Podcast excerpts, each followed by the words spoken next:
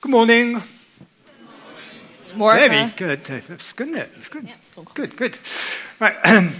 this morning, this af- almost afternoon, this almost afternoon, um, I'd like to share something very simple, very basic. Oké, deze ochtend, dus bijna middag, wil ik graag iets eh, heel simpels, iets heel eenvoudigs met jullie delen. It's been running around inside my head, which things tend to do, for uh, a few months now. Ik heb het al een tijdje in mijn hoofd zitten, voor eh, een paar maanden al. Uh, so I'm happy to be able to share it on you today, at you today, with And- you today. En ik wil het vandaag graag met jullie eh, delen. Who's that? Wie is dat? They're good, aren't they? This was a, um, a, a test of um, to see if you're actually paying attention to the beamer. Eh, Dit was een test om te kijken of jullie wel naar de beamer kijken. I've, I've shared things about Dimmy the dog in the past, which you've doubtless forgotten. Ik heb wel eens eerder Maar dingen we- verteld over Dimi eh, de hond. But just to fill you in, she thinks she's part human.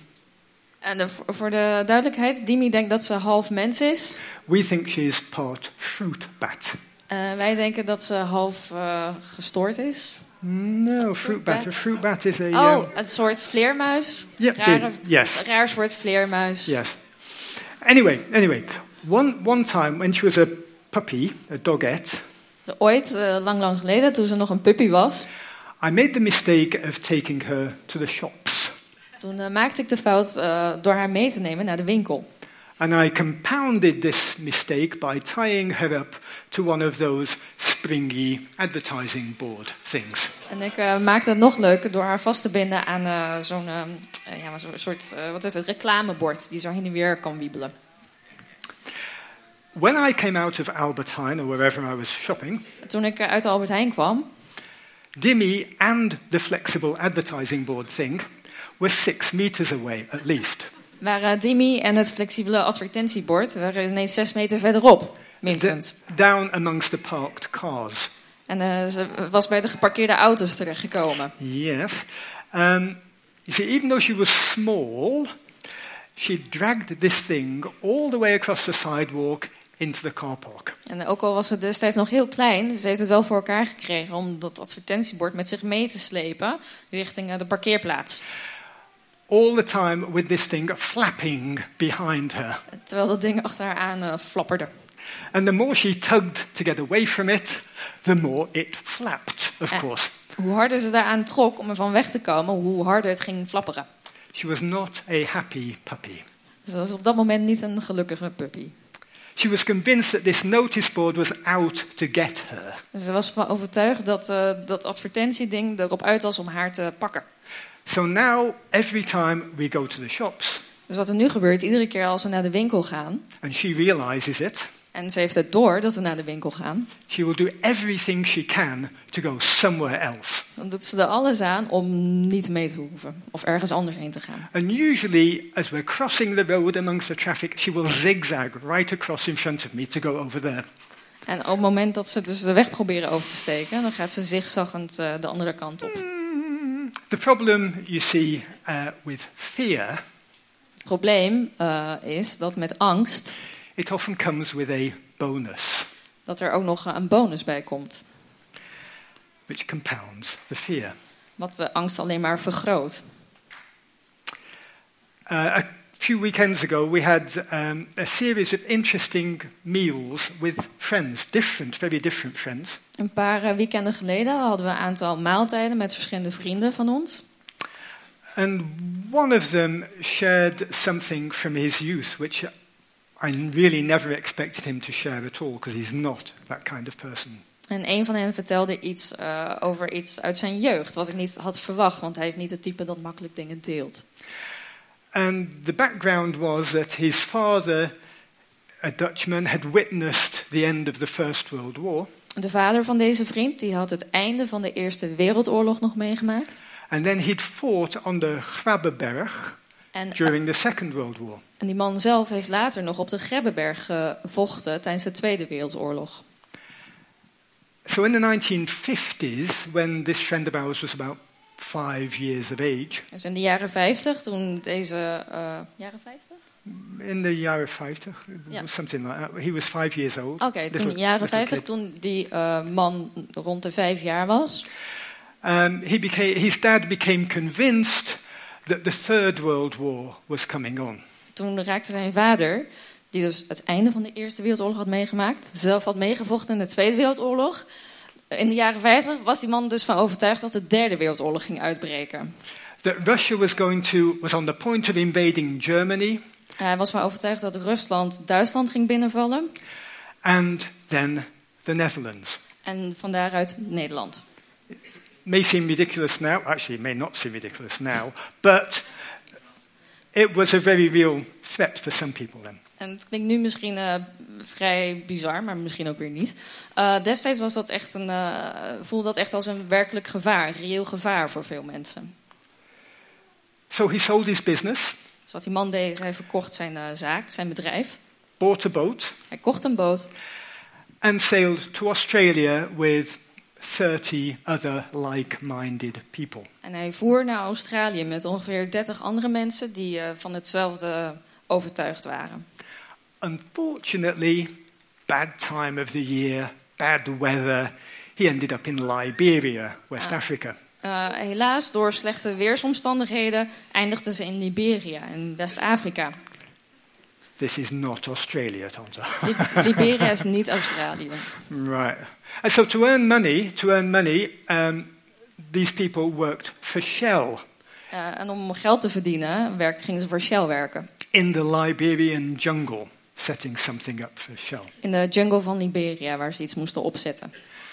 Unfortunately, they got into a shooting war with the local population. Maar helaas kwamen ze in een, eh, in een schietoorlog terecht met de lokale bevolking. And at five years of old, this, this horrific experience got burned into the mind of this friend of ours. En eh, die vriend van Norman, die was destijds een jaar of vijf, die heeft dit natuurlijk meegemaakt. En die verschrikkelijke gebeurtenis, die heeft heel veel indruk op hem gemaakt. And even now, he still reels from what happened then. En hij heeft He's nog still steeds influenced. last van wat er destijds is gebeurd met hem.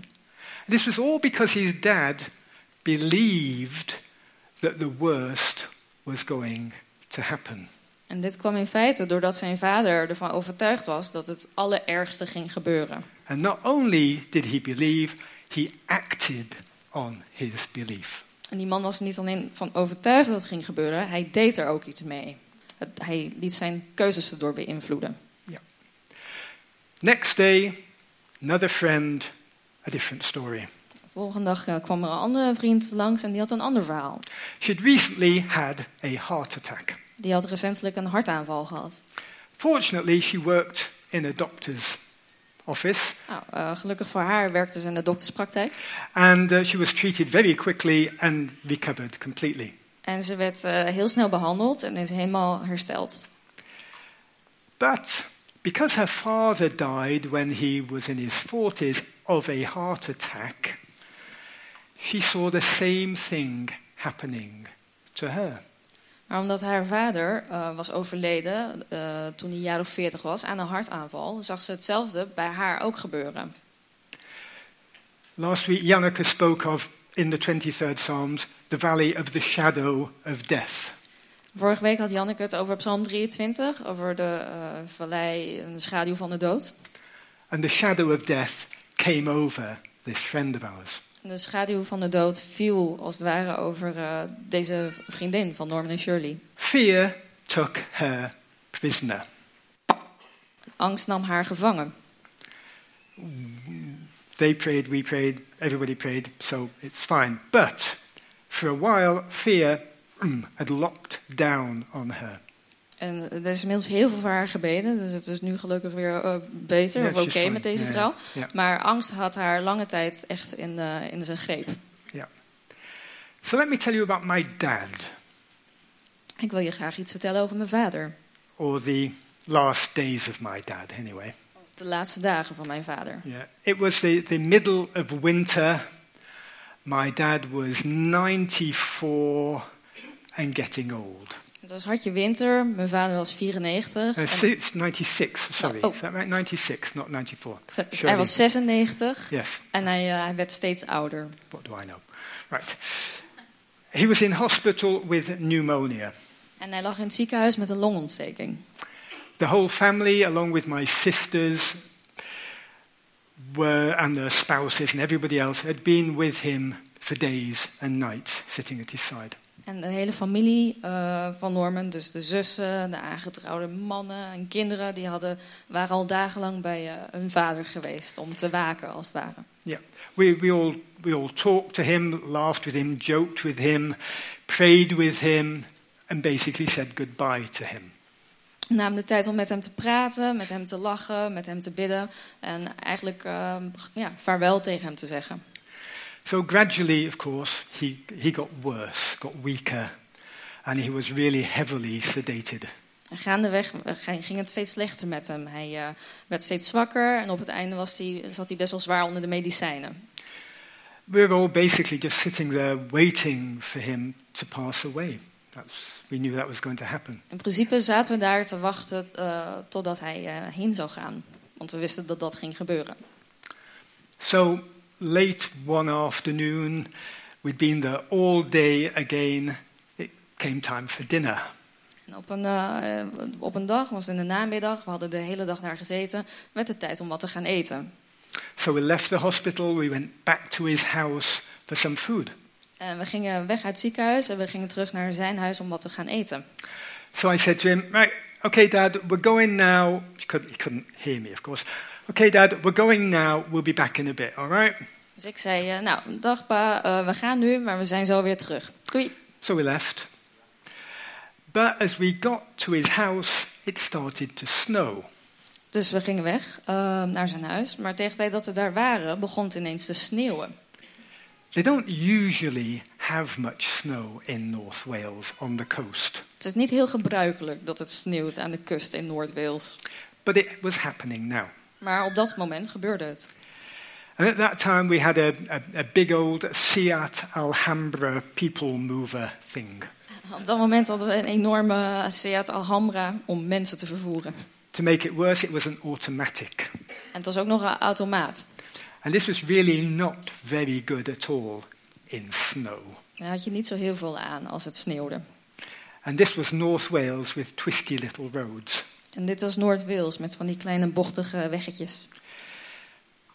So I figured it was, all right, probably better just, just to go back in the morning when it was daylight and the roads were maybe a bit clearer. Dus ik dacht, ah, misschien is het beter om morgenochtend te gaan als het weer licht is en de wegen zijn weer vrij. Een beetje. Well, of course, you've, you've guessed it. Um, next morning, my sister telephoned. Dad had passed away. Ja, je voelt hem waarschijnlijk al aankomen. De volgende ochtend belde mijn zus eh, om te zeggen dat mijn vader eh, was heen gegaan. It's like one of those little notes on Pickwick tea bags, right? Het is net zoals een van die eh theelabeltjes die op de Pickwick theezakjes In zitten. this case, it was kind of what do you regret most not doing? Ja, waar heb je het meeste spijt van? And it's certainly up there in my top 10 things of what I shouldn't have done, And what that I is your- regret not doing. Dit is wel een van de dingen in de top 10 van dingen waar ik spijt van heb. See, I wasn't, I wasn't scared of snow. I see many people here scared of snow in the winter, have to admit. I learned to ride a motorcycle when the snow was really, really deep. Het punt is, ik ben niet bang voor sneeuw om daarin te rijden. Ik heb motor leren rijden in, eh, terwijl er heel veel sneeuw lag. I was just a bit apprehensive, you could say. Ik was eh, gewoon een beetje beducht. Beetje, ja, dat ik dacht, nou, moet ik dit nou wel doen? And, and I was concerned enough to, to not really want to take a chance. Maar ik was wel bezorgd genoeg dat ik geen kans durfde te, te nemen. Dat ik dacht, nee, dat doe ik toch maar niet. And because of that concern, I never kept my promise to go back. En vanwege die bezorgdheid heb ik me nooit aan mijn belofte gehouden om weer terug te gaan. And I never had the chance to be with my dad when he went. En daardoor had ik niet de kans om bij mijn vader te zijn toen hij eh, toen hij ja, overleed. So let me tell you how this works. Dus ik wil je graag uitleggen hoe dit werkt. You see, faith is a close relative of fear. Fear is a close relative of faith. Want geloof en angst zijn eh, nauw aan elkaar verwant. In fact, they're almost the same thing Ze zijn in feite bijna hetzelfde. because they're both based on belief. Dat ze allebei gebaseerd zijn op een bepaald geloof. Fear is believing that things will go wrong. Angst is geloven dat dingen verkeerd zullen gaan. It's one step beyond normal concern, being concerned, En dit is wel een stapje verder dan gewoon eh, een beetje bezorgd zijn. which is, which is a very natural and a good response in iffy situations. En bezorgd zijn of een beetje angst hebben is een heel natuurlijke reactie in, in eh, nou, potentieel gevaarlijke omstandigheden. And at some level or all, we, we all suffer from fears. En op een bepaald niveau hebben we allemaal last van angsten.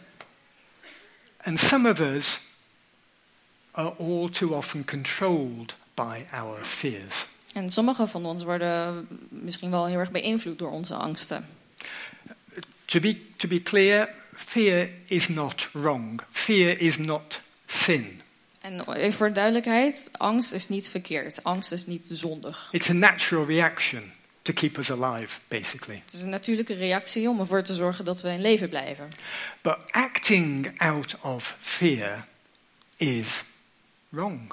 Maar je keuzes laten beïnvloeden door angst is wel verkeerd. And courage is knowing fear and still pushing on in spite of fear. En moed is niet zozeer de afwezigheid van angst, maar dat je angst kent en dan desondanks toch doorgaat. And fear comes in all sorts of shapes and sizes. Angst kent vele vormen en vele gezichten. And a few of the, the smallest yet most controlling fears I've stuck up on the board here. En de, de kleinste angsten, maar die wel heel veel invloed kunnen hebben, die heb ik hier eh, opgeschreven. Fear of the unknown, Angst voor de- het onbekende. fear of not being in control of situations, Angst dat je geen eh, controle hebt over een situatie. fear of losing our reputation or our authority, Angst dat je je, je reputatie kwijtraakt of je, je autoriteit. fear of foreigners, Angst voor buitenlanders, again, the unknown, the unknown people, onbekende, onbekende mensen. fear of our own failure, Angst om zelf te falen. blah, de blah, de blah, de blah, de blah. Right, not heavy duty, overwhelming fears like snakes and heights and s- really scary things. En dit zijn niet hele grote, indrukwekkende angsten, zoals eh, weet je wel, hoogtes of eh, slangen, Whatever, Wat? spiders, spinnen, Belgians, whatever. Anyway, Belgen. but these are, these are just enough to actually influence our decisions. Maar het is wel genoeg dat het onze keuzes beïnvloedt. Sometimes even the decisions of nations are controlled by fear of outsiders. Zelfs de keuze- keuzes van landen kunnen beïnvloed worden door angst. You see, the enemy loves to feed us fear, De vijand vindt het heel eh, leuk om ons eh, angst te voeden, to feed us propaganda, om ons propaganda te voeren, to make us believe that fighting is futile, om ons te laten geloven dat vechten echt totaal zinloos is. that we've, we've lost before we start, Je hebt verloren voordat je ook maar begonnen bent. that if we don't fight, we won't get hurt. En als we niet vechten, dan raak je ook niet gewond. Absolute nonsense. Dat is allemaal eh, nonsens. You should ask anybody who has survived being caught in the crossfire. Vraag maar eens aan iemand die wel eens eh, onder vuur eh, heeft gelegen. We're not talking here about being irresponsible En We hebben het hier niet over onverantwoordelijk zijn. or foolhardy or taking dangerous risks just for the sake of it. Of eh, heel koppig zijn of hele gevaarlijke risico's te nemen, gewoon omwille van de risico's. But we are talking about leaving our comfort zone, Maar we hebben het wel over onze comfortzone verlaten. especially at the times that we know deep down that what we should do is the right thing to do. Vooral als we ergens diep van binnen weten dat wat we zouden moeten doen, dat dat eigenlijk echt wel het goede is om te doen. Doing things that maybe are scary for us. Dus geen dingen die we eng vinden. We need to be driven by faith, not by fear. We zouden aangejaagd moeten worden door geloof en niet door angst. Instead of being controlled by our anxieties, by our apprehensions, In plaats van dat je wordt, eh, hoe heet dat, wordt, wordt beïnvloed door je, je angsten of eh, je zorgen, je twijfels. Timothy, 2 Timothy 1 verse 7 says, For God has not given us the spirit of fear, but of power, of love, and of a sound, a solid mind. Want God in 2 Timotheus 1,7 eh, zegt: Want God heeft ons niet gegeven een geest van lafhartigheid, maar van kracht en van liefde en van bezonnenheid. He gave us these things and expects us to use these things. Hij heeft ons deze dingen gegeven en hij verwacht ook dat we er iets mee doen. In Luke chapter 8, verse 50, here we have Jesus talking to Jairus, who had just been told that his daughter had died. But when Jesus heard it, he said to him, he said to Jairus, Don't be afraid, only believe, and she shall be healed. In Lucas 8, vers 50 ehm, spreekt Jezus tegen Jairus, wiens dochtertje net is overleden. En Jezus zegt dat hem. ehm, en Jezus hoorde het en antwoordde hem: Wees niet bevreesd, geloof alleen en zij zal behouden worden. Again, it was crucial that her father exchanged his fears, his terror at the time, for belief. Het was op dat moment cruciaal dat die man, dat hij zijn angst en zijn verdriet, dat hij dat inruilde voor geloof. It was an exchange, he, it was a choice. Het was als het ware een soort eh, een uitruil, een soort keuze die hij moest maken. And that fear provided power to heal. That, sorry, that belief, not the fear. Thank you, En Cincy. de- no, That's why sorry. she's here. Ja. That, Why that me? belief provided the power to be healed. En dat geloof zorgde ervoor dat er genezing plaats kon vinden. Jesus could have healed, but he chose to use Jairus' belief as the power to do it. Jezus kon wel genezen, maar hij koos ervoor om het geloof van Jairus te gebruiken. eh, om daarmee het dochtertje te genezen. See, the problem is that fear at its worst is actually idolatry. Het probleem is dat angst op zijn aller, allerergst en allergrootst kan het bijna een soort afgod worden. Idolatry is placing someone or something in God's place on the throne of your life. Een afgoderij is dat je iets of iemand eh, de plek van God laat innemen in jouw leven. And it happens here when we allow whatever it is that makes us afraid to become greater, to become more powerful than our Lord.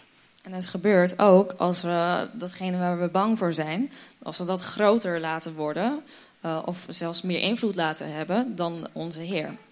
We allow it to control our lives. Then it is an idol. Als je het toestaat om je leven te laten eh, beïnvloeden, dan wordt het een, eh, een afgod. So, how about we ask our Father to reveal to us, to show us the things that we're afraid of? Zullen we onze vader vragen om aan ons te laten zien waar we bang voor zijn? Those things that are holding us back, Dingen die ons tegenhouden. things that stop us living confidently.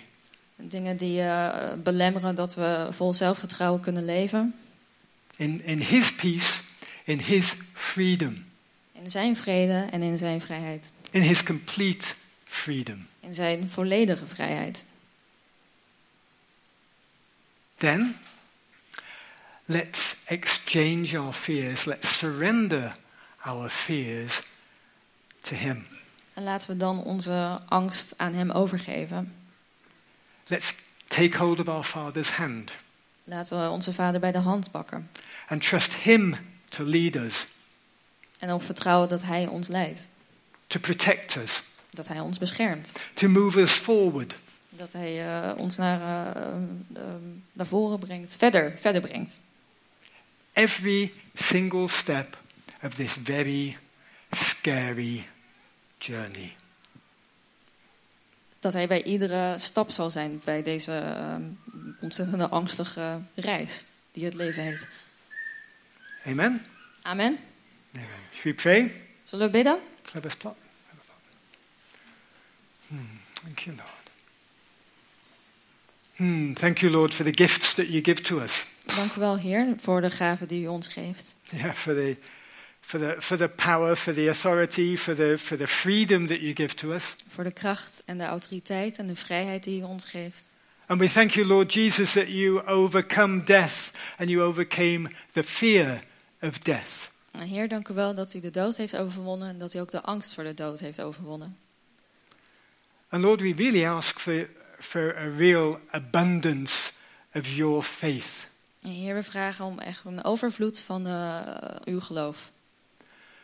And Lord, we ask that you will show us the times when we should step back and show us the times when we should push forward valiantly.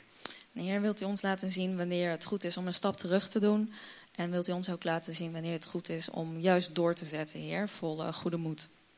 And we thank you, Lord, that we're more than conquerors in Jesus Christ. En Heer, dank u wel dat we meer dan overwinnaars zijn in Jezus Christus. So, Lord, give us the courage to push through and to win your victories En Heer, geef ons de moed om door te gaan en uw overwinningen te behalen. in your power, in your grace. En geef ons uw kracht en uw genade. Thank you, Lord. Dank u wel, Heer. Thank you, Lord. Dank u wel.